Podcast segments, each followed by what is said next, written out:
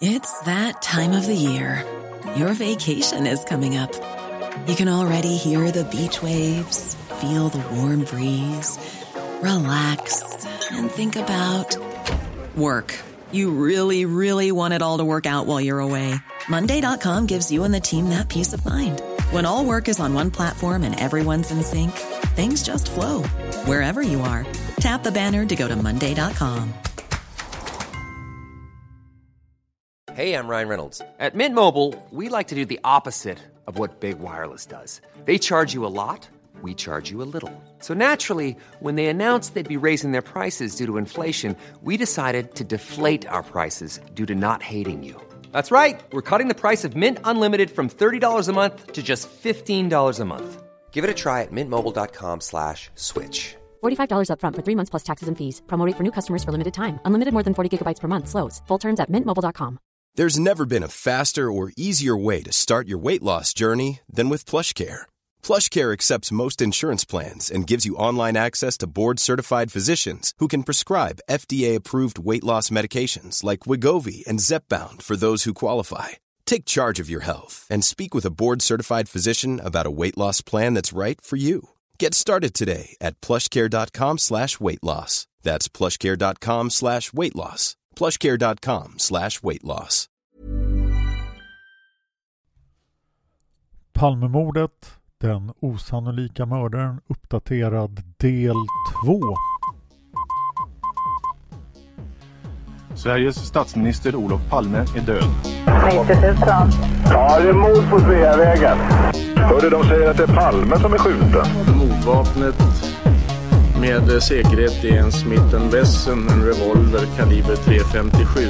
Inte ett svar. Det finns inte ett svar. För jag har inget och jag har inte varit Varför skulle jag göra Polisen söker en man i 35 till 40-årsåldern med mörkt hår och lång mörk rock. Välkommen till podden Palmemordet som idag görs av mig, Dan Hörning. Dagens avsnitt är skrivet av Gunnar Wall och ingår i en serie artiklar som finns på Gunnars blogg gunnarvall.wordpress.com. Om du uppskattar att ha en podd om Palmemordet som kommer varje onsdag så är vi tacksamma för bidrag. De ger man med fördel på Patreon, patreon.com. Sök på Palmemordet. Där väljer ni en summa som ni vill donera per avsnitt och gör vi inga avsnitt så betalar ni inga pengar. Nu har vi också ett swishnummer. Det står i avsnittstexten i din poddapp. Om du swishar så skriv gärna Palmemordet i swishen så vi vet vilken podd det avser. Nu fortsätter vi med Gunnar Walls recension av den andra upplagan av Den osannolika mördaren av Thomas Pettersson. I nästa kapitel, En tankesmedja runt Engström, berättar Thomas Pettersson om kontakter han har fått som har hjälpt honom att fila på argumenten kring utpekandet av Engström. Och i ett ytterligare kapitel som heter Lögnens anatomi resonerar han lite allmänt om lögner i rättsliga sammanhang. Så följer ett par kapitel som refererar Christer Peterssons utpekande och debatten kring det. Thomas Pettersson stannar upp inför något som rimligtvis varit en besvikelse för både honom själv och åklagaren Petersson.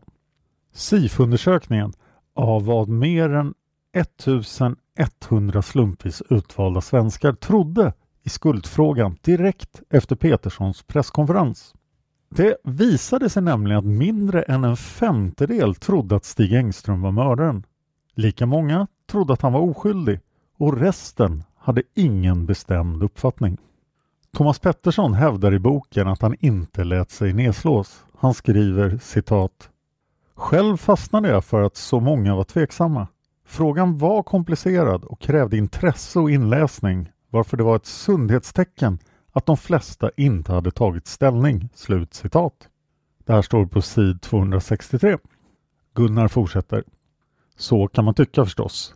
Det är dock en lite annan beskrivning av hypotesen om Stig Engström som Palmes mördare än den man hittar i bokens baksidestext.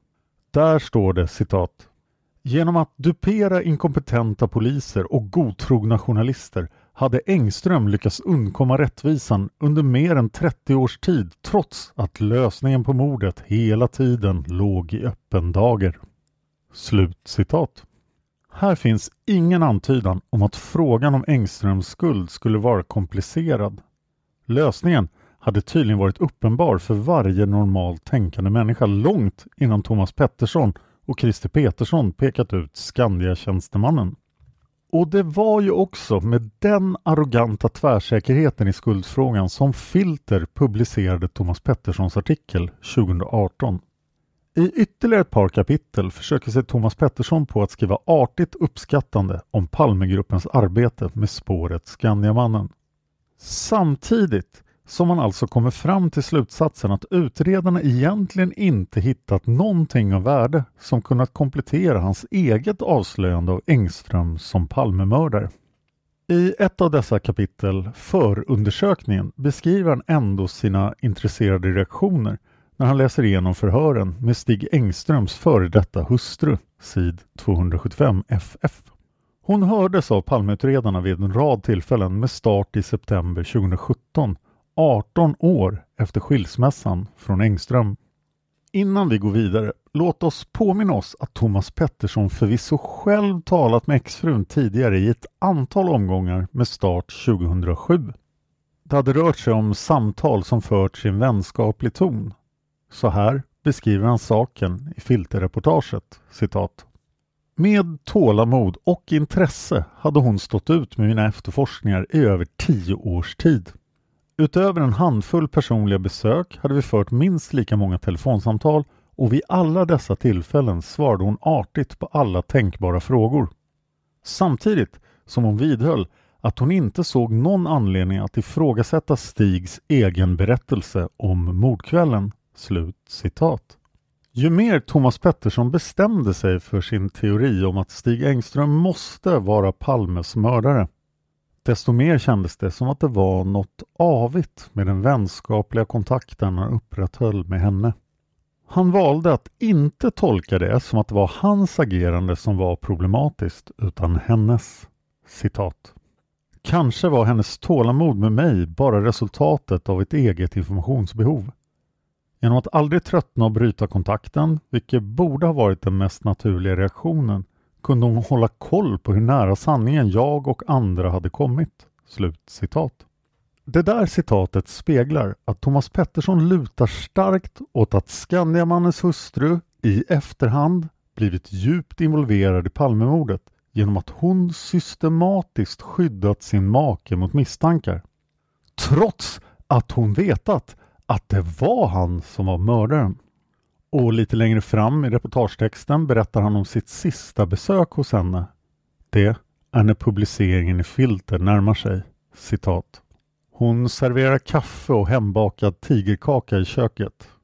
Trivsamt om det inte vore för ärendet. Jag vill ge henne en sista möjlighet att berätta allt hon vet och börja beta av punkterna på min lista. Men exfrun har redan sin ståndpunkt klar. Jag har hela tiden sagt att han inte kan ha gjort det. Han var inte den människan. Han var helt enkelt för feg. Men han skulle gärna ha stått på avstånd och tittat på. Han hade inget emot att det hände. Nej, inte på det sättet, säger hon.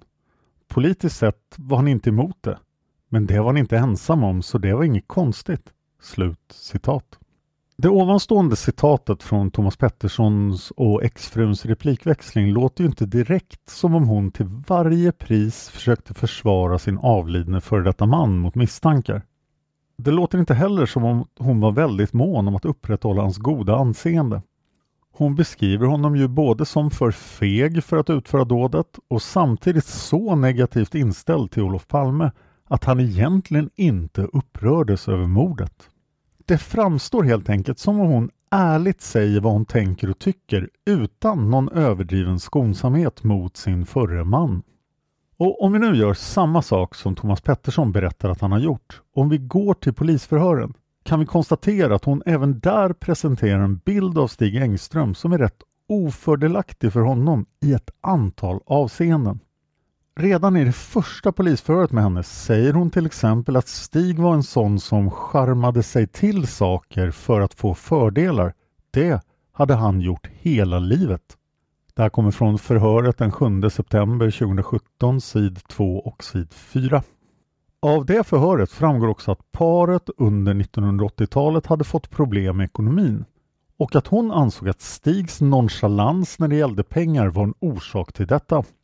I samma förhör berättar hon att Stig hade planer på att starta ett företag med grafisk verksamhet tillsammans med en bekant. Men hon, citat, sa absolut nej till detta. Kunde han inte klara hushållsekonomin så skulle han inte kunna sköta ett företag. Slut citat. Det är från samma förhör den 7 september 2017, sid 4 till 5. Äktenskapet gick så sakteliga mot sin upplösning. 1999 skildes hustrun och Stig Engström och året efter avled han. I nästa förhör nämner hon att hon känner till att Stig brukade dricka alkohol när han satt sent kvar på jobbet och att hon kan tänka sig att han nog citat druckit whisky på kammaren där uppe, slutcitat, alltså på tjänsterummet under mordkvällen.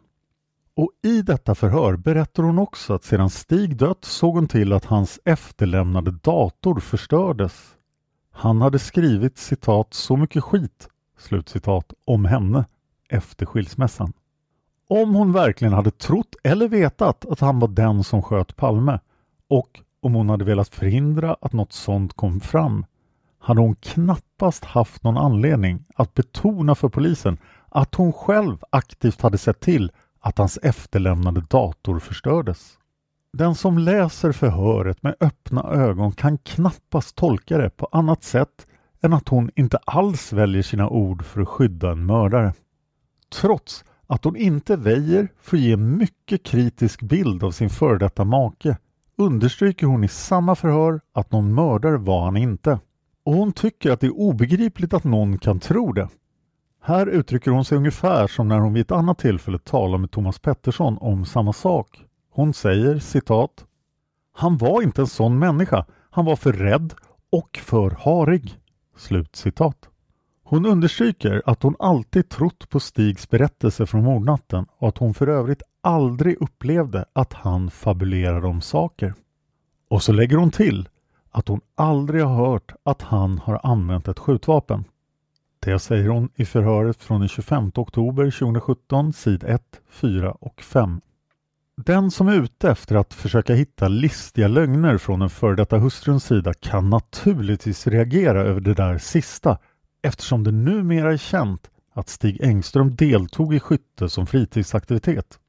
Det var när han i sin ungdom, långt före äktenskapet med henne, arbetade på armétygförvaltningen. Men det är samma sak här.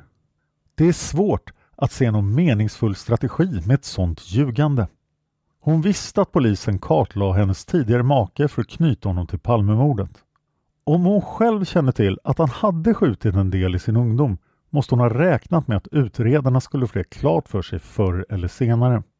En mycket rimligare förklaring än att hon skulle ha ljugit är att han aldrig visade något intresse för skjutvapen under tiden de var gifta och att hon, om hon alls hade hört om hans gamla fritidsskytte med de dåvarande arbetskamraterna, hade glömt bort en sån detalj.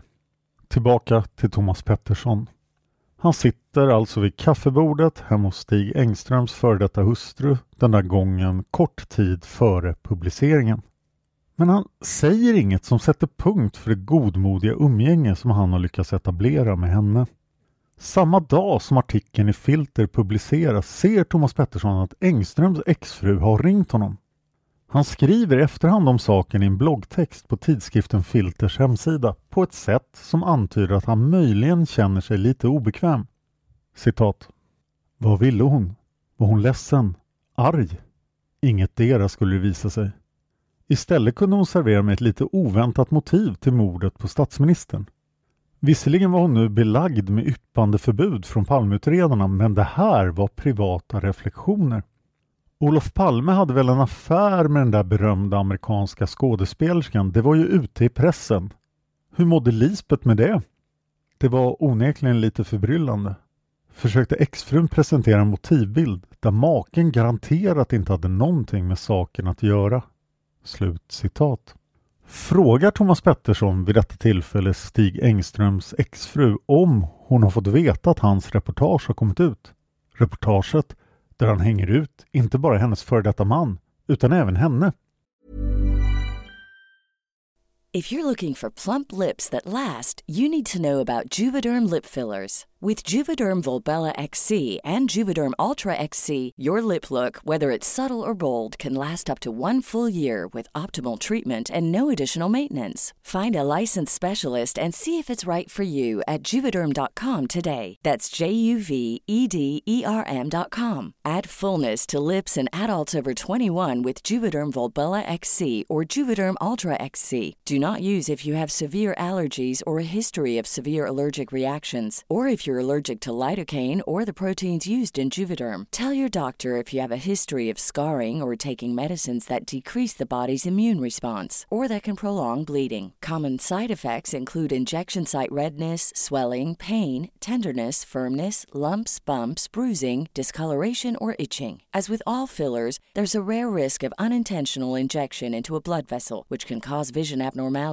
blindness, stroke, temporary scabs, or scarring. For full important safety information, visit juvederm.com. Burrow's furniture is built for the way you live. From ensuring easy assembly and disassembly to honoring highly requested new colors for their award-winning seating, they always have their customers in mind. Their modular seating is made out of durable materials to last and grow with you. And with Burrow, you always get fast, free shipping. Get up to 60% off during Burrow's Memorial Day sale at burrow.com slash ACAST. That's burrow.com slash ACAST. burrow.com slash ACAST. A lot can happen in the next three years. Like a chatbot may be your new best friend. But what won't change? Needing health insurance. United Healthcare Tri Term Medical Plans are available for these changing times. Underwritten by Golden Rule Insurance Company, they offer budget friendly, flexible coverage for people who are in between jobs or missed open enrollment. The plans last nearly three years in some states, with access to a nationwide network of doctors and hospitals. So, for whatever tomorrow brings, United Healthcare Tri Term Medical Plans may be for you. Learn more at uh1.com. Det framgår inte och hans bloggtext. Kanske vet hon ingenting än. I vilket fall borde kanske den intressanta frågan för Thomas Pettersson och för hans läsare just vara om hon har tagit del av vad han har skrivit och vad hon i så fall tycker om det. Men det enda vi kan notera att Thomas Pettersson gör är att han samlar på sig hennes funderingar för att vid lämpligt tillfälle i framtiden använda dem för att ytterligare misstänkliggöra henne. Åter till andra upplagan av hans bok. Han skildrar alltså hur han två år efter filterartikelns publicering äntligen kan läsa polisförhören. Och han konstaterar att han känner igen mycket sånt som Engströms före detta hustru sagt också till honom. Men det han letar efter är sånt han inte känner till, sånt som kan ge nya belägg för hans teori om att exfrun, precis som Stig Engström själv, ljuger medvetet och systematiskt för att dölja sanningen. Och så hittar han plötsligt någonting som intresserar honom. Så här skriver han, citat. Ett mönster blev tydligt som jag tidigare inte hade reflekterat över. Vid inget av de tillfällen när Stig gått ut i media eller vittnat i tingsrätt och hovrätt påstod hon sig ha tagit del av vad han hade sagt. Slutcitat. Det här är från sid 276. Han räknar upp en rad sammanhang där Stig Engström medverkat. Svenska Dagbladet, Aftenposten, GT, Expressen, Proletären, Skydd och säkerhet och tv-inslaget i Rapport i april 1986. Han noterar särskilt också att den före detta hustrun säger att hon överhuvudtaget inte kommer ihåg att Stig Engström har vittnat i tingsrätten och hovrätten. Thomas Pettersson ser nu detta som ett belägg för att exfrun precis som Stig verkar ha haft en på förhand uttänkt strategi när polisen knackade på dörren.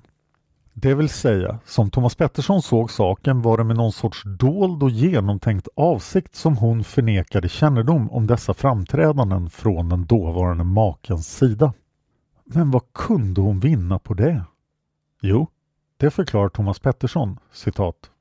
Om hon hade hört eller läst Stigs allt mer förändrade berättelse så borde hon ha begripit att han ljög och hade i så fall haft åtminstone ett moraliskt ansvar för att agera på något sätt. Slut citat. Han tillägger för att ytterligare hamra in sitt budskap citat Genom att förneka all kännedom om vad Stig har sagt och gjort i media, förhör och rättegångar gled hon undan både ansvar och besvärliga följdfrågor. Slutcitat det här står på sid 277.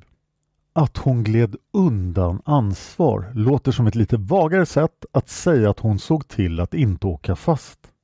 Det är en hård anklagelse. Och det är dessutom en rätt märklig argumentering. Låt oss för resonemangets skull godta att Stig Engström verkligen har ändrat sin berättelse i viktiga avseenden. Något som knappast är sant. Men om han nu har gjort det, visst skulle den före detta hustrun kunna ha sagt att hon kom ihåg att maken intervjuats respektive att han hade vittnat i domstol utan att hon mindes några detaljer sådär 30 år efteråt. En betydligt enklare förklaring till att hon säger som hon gör i förhöret är att hon helt enkelt inte kommer ihåg exakt i vilka sammanhang Stig har pratat om sina upplevelser. Vad hon har sagt alldeles tydligt är att han citat var gruvligt imponerad över att han hade varit där i närheten, alltså vid mordplatsen. Och hon har betonat att om detta citat berättade han för omgivningen så fort han fick tillfälle. Den uppgiften kommer från förhöret den 21 maj 2018, sid 3.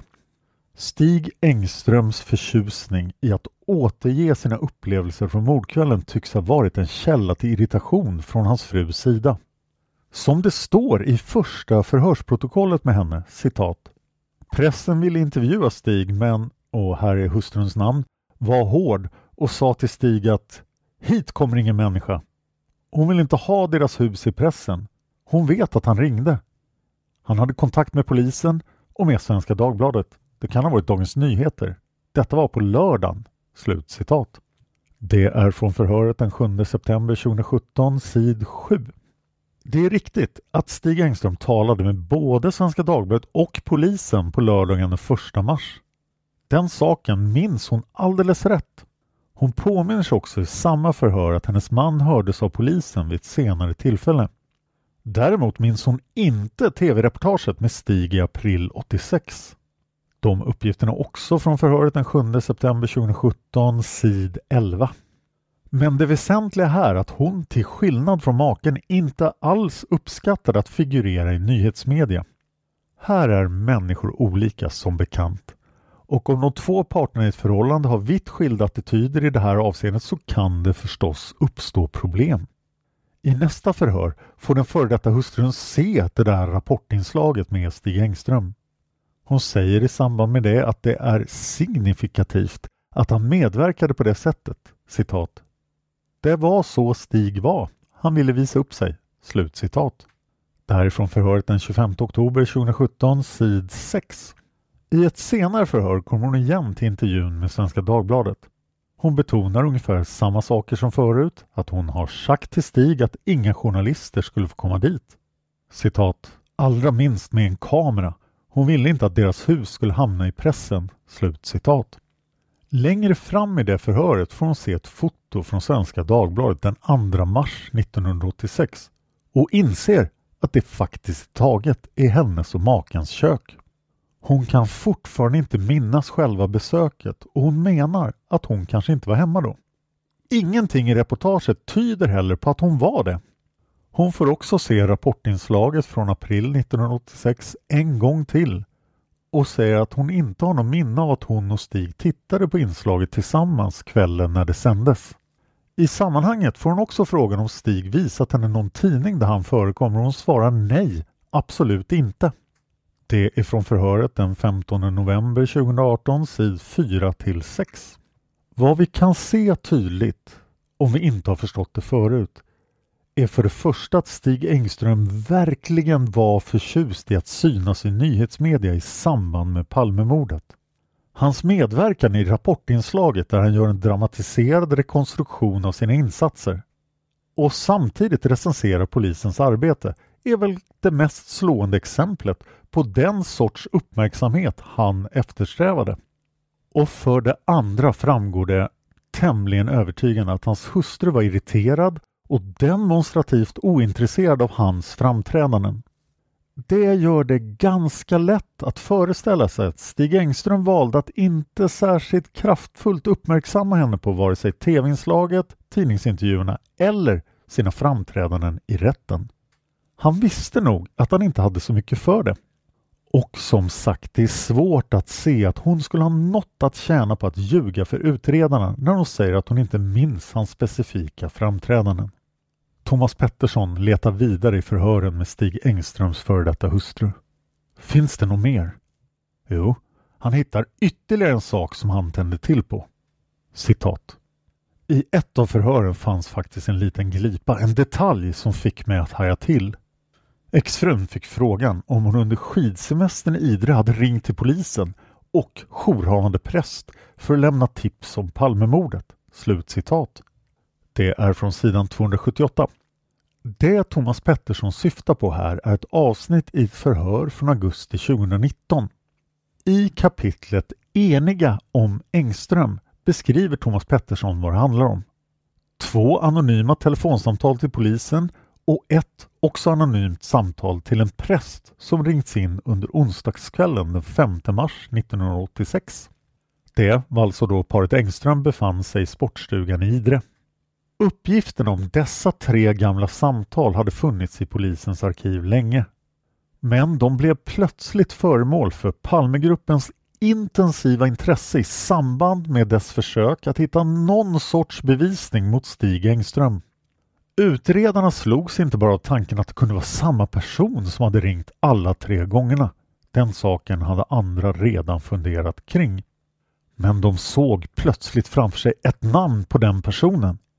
Det skulle kunna vara Stig Engströms hustru. Bakgrunden är följande. Samtalen handlar om en observation gjord på Snickarbacken, en gatstump som ligger på andra sidan om Brunkebergsåsen från mordplatsen räknat. Och vad som sägs i dessa samtal går ut på att en man ska kastat sig in i en Opel som hastigt försvunnit från platsen. Tidpunkten ska ha varit mycket kort tid efter mordet. Det första samtalet till polisen och samtalet till prästen kom från en kvinna. När det gällde det andra samtalet till polisen var det inte klart av de gamla anteckningarna om det var en kvinna eller en man som hade lämnat uppgifterna. Och det som måste ha fått igång Christer Peterssons utredare mest av allt. I det första samtalet hade uppgiftslämnaren bland annat sagt att mannen hade haft en handledsväska. I Palmegruppen föds alltså nu tanken att den anonyma uppringaren är identisk med Stig Engströms hustru och att hon har ringt in tipsen för att dra uppmärksamheten från sin man. Om polisen tror att en mördare med handledsväska flyr i bil så bör Stig Engström, som ju inte har flytt i bil, klara sig från misstankar. Sid 279 FF se även Lars-Olof Lampers Palmemordet tillbaka till Sveavägen avsnittet Dödshot och oro. I själva verket fanns det inga särskilda skäl att dra slutsatsen om att dessa samtal hade kommit från sportstugan i Idre och inte heller att de överhuvudtaget skulle ha varit avsiktligt utlagda villospår.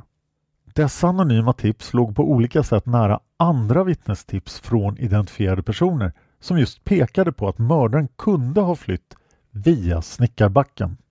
Och enligt den jourhavande prästen hade kvinnan han talat med sagt att hon ville vara anonym eftersom hon hade ägnat sig åt vänsterprassel.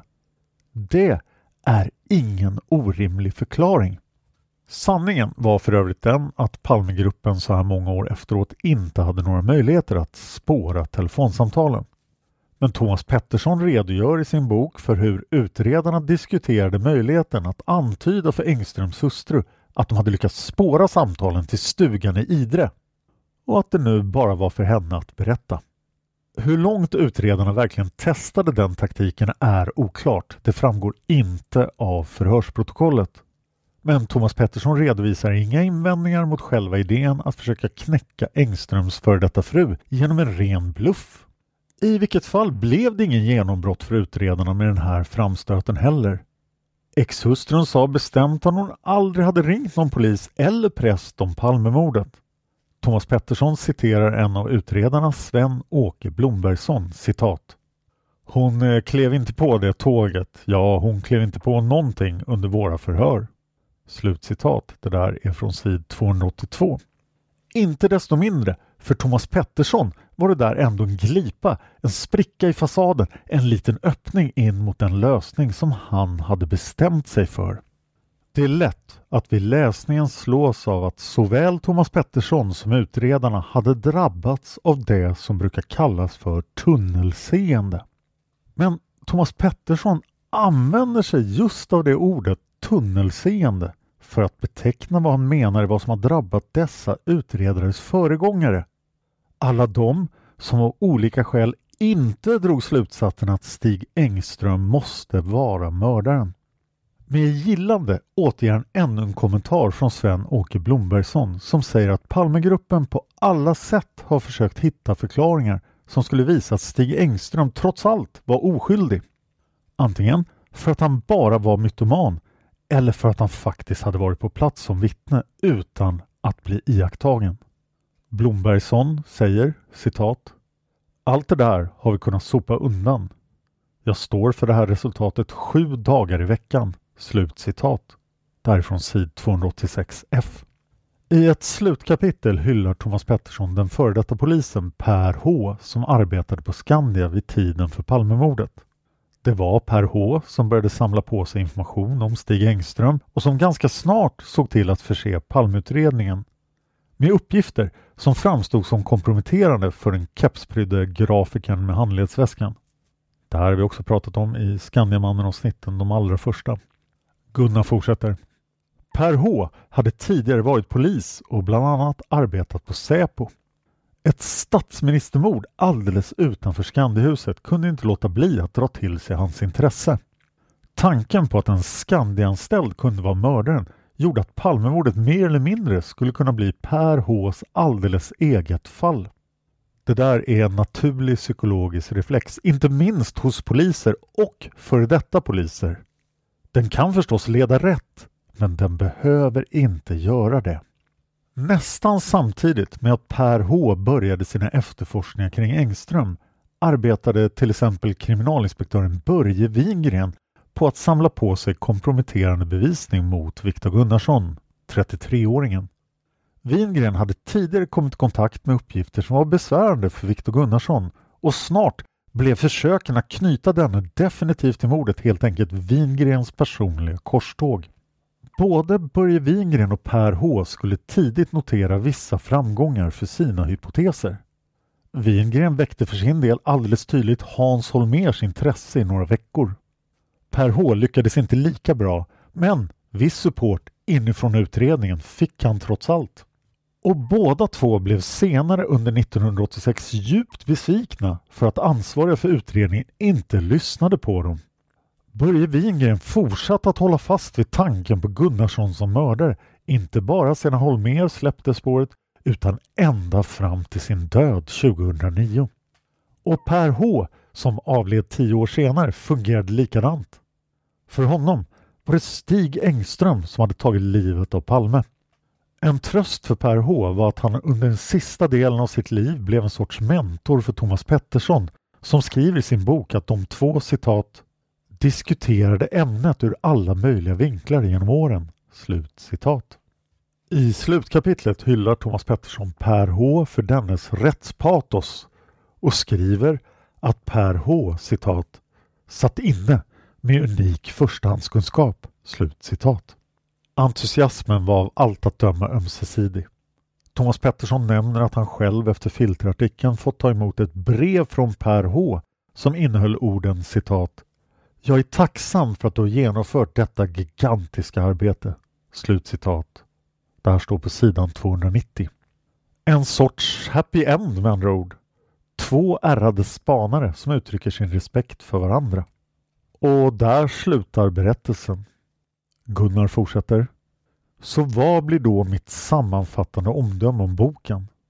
Det är i sanningens namn inte alldeles lätt för mig att göra en rättvis recension när nu författaren har en helt annan uppfattning i sakfrågan än jag själv.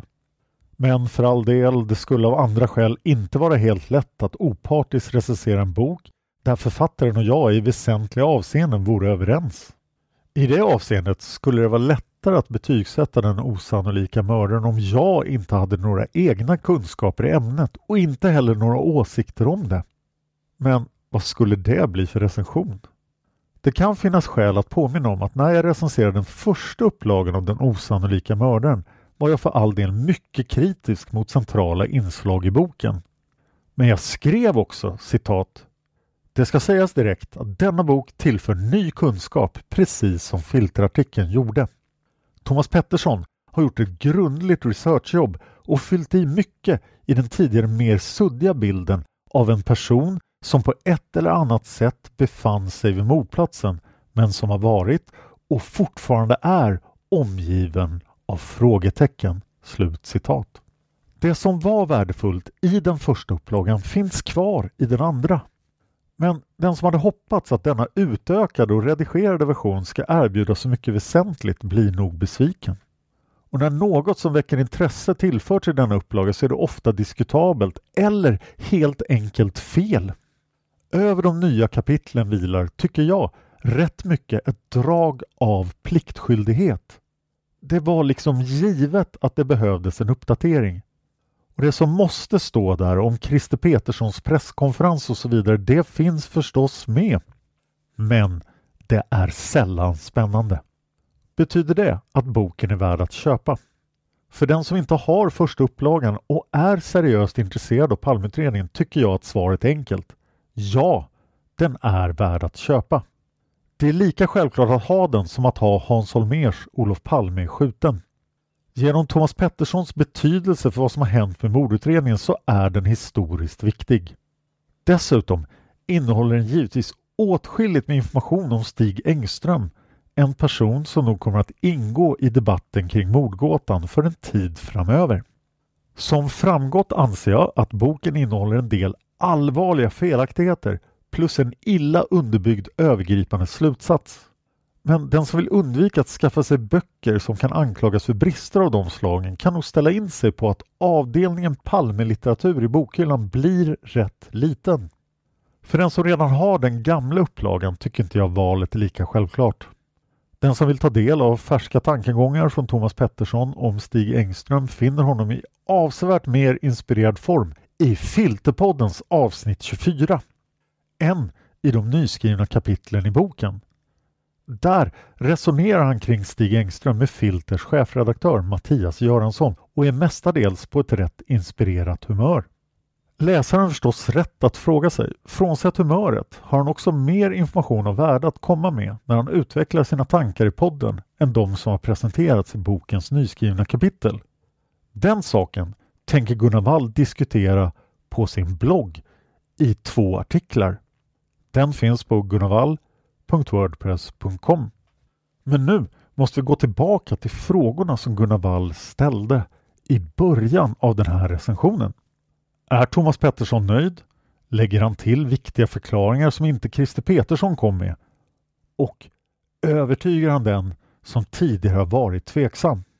Jag lovade då att svar på frågorna skulle komma i slutet av recensionen och här är Gunnar Walls svar. Fråga 1. Särskilt nöjd är knappast Thomas Pettersson.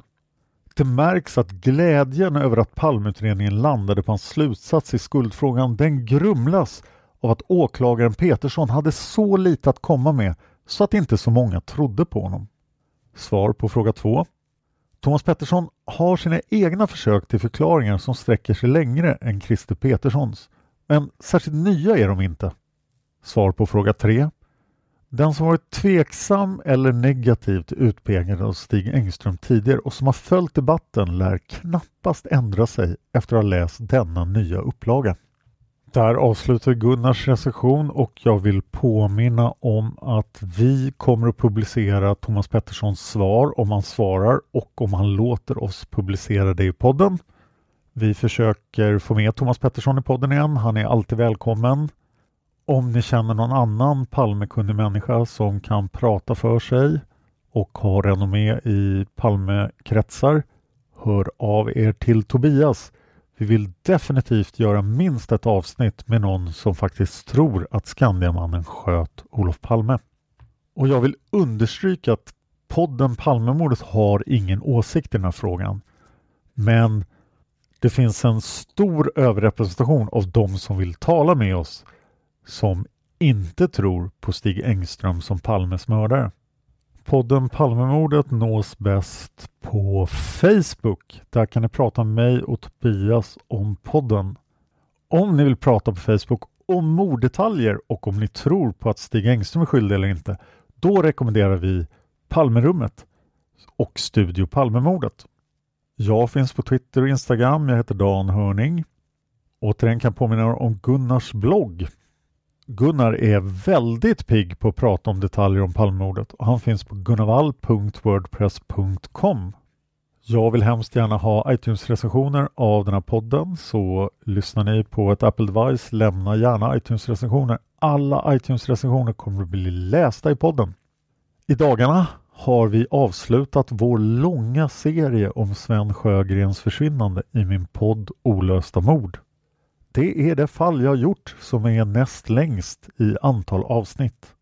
Jag har gjort tio gånger fler avsnitt om Palmemordet. Sven Sjögrens försvinnande 1972 utreddes bland annat av Riksmordskommissionen och det är Gotlands största olösta fall.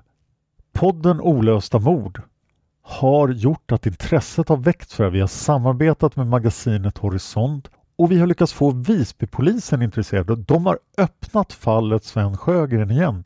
Ja, är det ett mord så är det förstås preskriberat. Men polisen kan fortfarande utreda försvinnanden.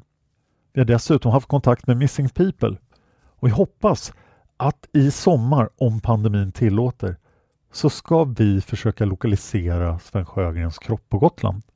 Vi har fått ett enormt antal tips och den här serien om Sven Sjögren i podden Olösta mord är första gången jag har gett mig in på ett fall i en podd där vi faktiskt har försökt lösa fallet.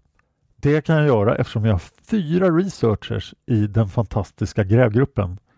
Vi har varit sex personer som har jobbat med avsnitten om Sven Sjögren. Och tycker ni om olösta svenska fall då ska ni lyssna på Olösta mord om Sven Sjögren. Stort tack till alla som sponsrar Palmemordet på Patreon. Tack till Lukas för musiken. Tack till Thomas Pettersson för sin bok och tack till Gunnar Wall för recensionen. Om ni är intresserade på att fundera på myter och konspirationsteorier så hoppas jag att ni har förstått att Tobias Henriksson, min kära kollega, gör en podd om just de sakerna. Den heter Tänk om tre punkter frågetecken. Tänk om är en granskande podd som utreder om myter och konspirationsteorier är rimliga eller inte. Jag hoppas ni går in och lyssnar. Jag vill att Tobias podd ska bli framgångsrik så att han slutar köra lastbil och göra så vanliga jobb så att han också kan försörja sig som en heltidspoddare. Jag har väl en annan anledning också att göra lite reklam för den podden. Det är nämligen så att han har fantastiska gäster. Josefin Måhlén, min kära kollega från Mördarpodden. Skafino Musara som ju gjorde We Got This, tv-serien. Och förstås jag. Jag har poddat om covidmyter och vaccinskräck. Jag har poddat om Storsjödjuret. Jag har poddat om varför den svenska kungen har fel nummer han är inte den sextonde svenska kungen som heter Karl. Hur kommer det sig? Och jag har också poddat med Tobias om seriemördare i hans podd. Så gå gärna in och lyssna på Tänk om med Tobias Henriksson. Jag vill också tacka expertgruppen. Och till slut vill jag tacka Eva Martinsson som klipper vissa av de här avsnitten. Till sist, på riktigt den här gången, tack till dig för att du lyssnar på Palmemordet. Man hittar Palmes mördare om man följer PKK-spåret till botten. Därför att ända sedan Julius Caesars tid har jag aldrig hört talas om ett mord på en framstående politiker som inte har politiska skäl. Polisens och åklagarens teori var att han ensam hade skjutit Olof Palme. Och det ledde också till rättegång. Men han frikändes i hovrätten.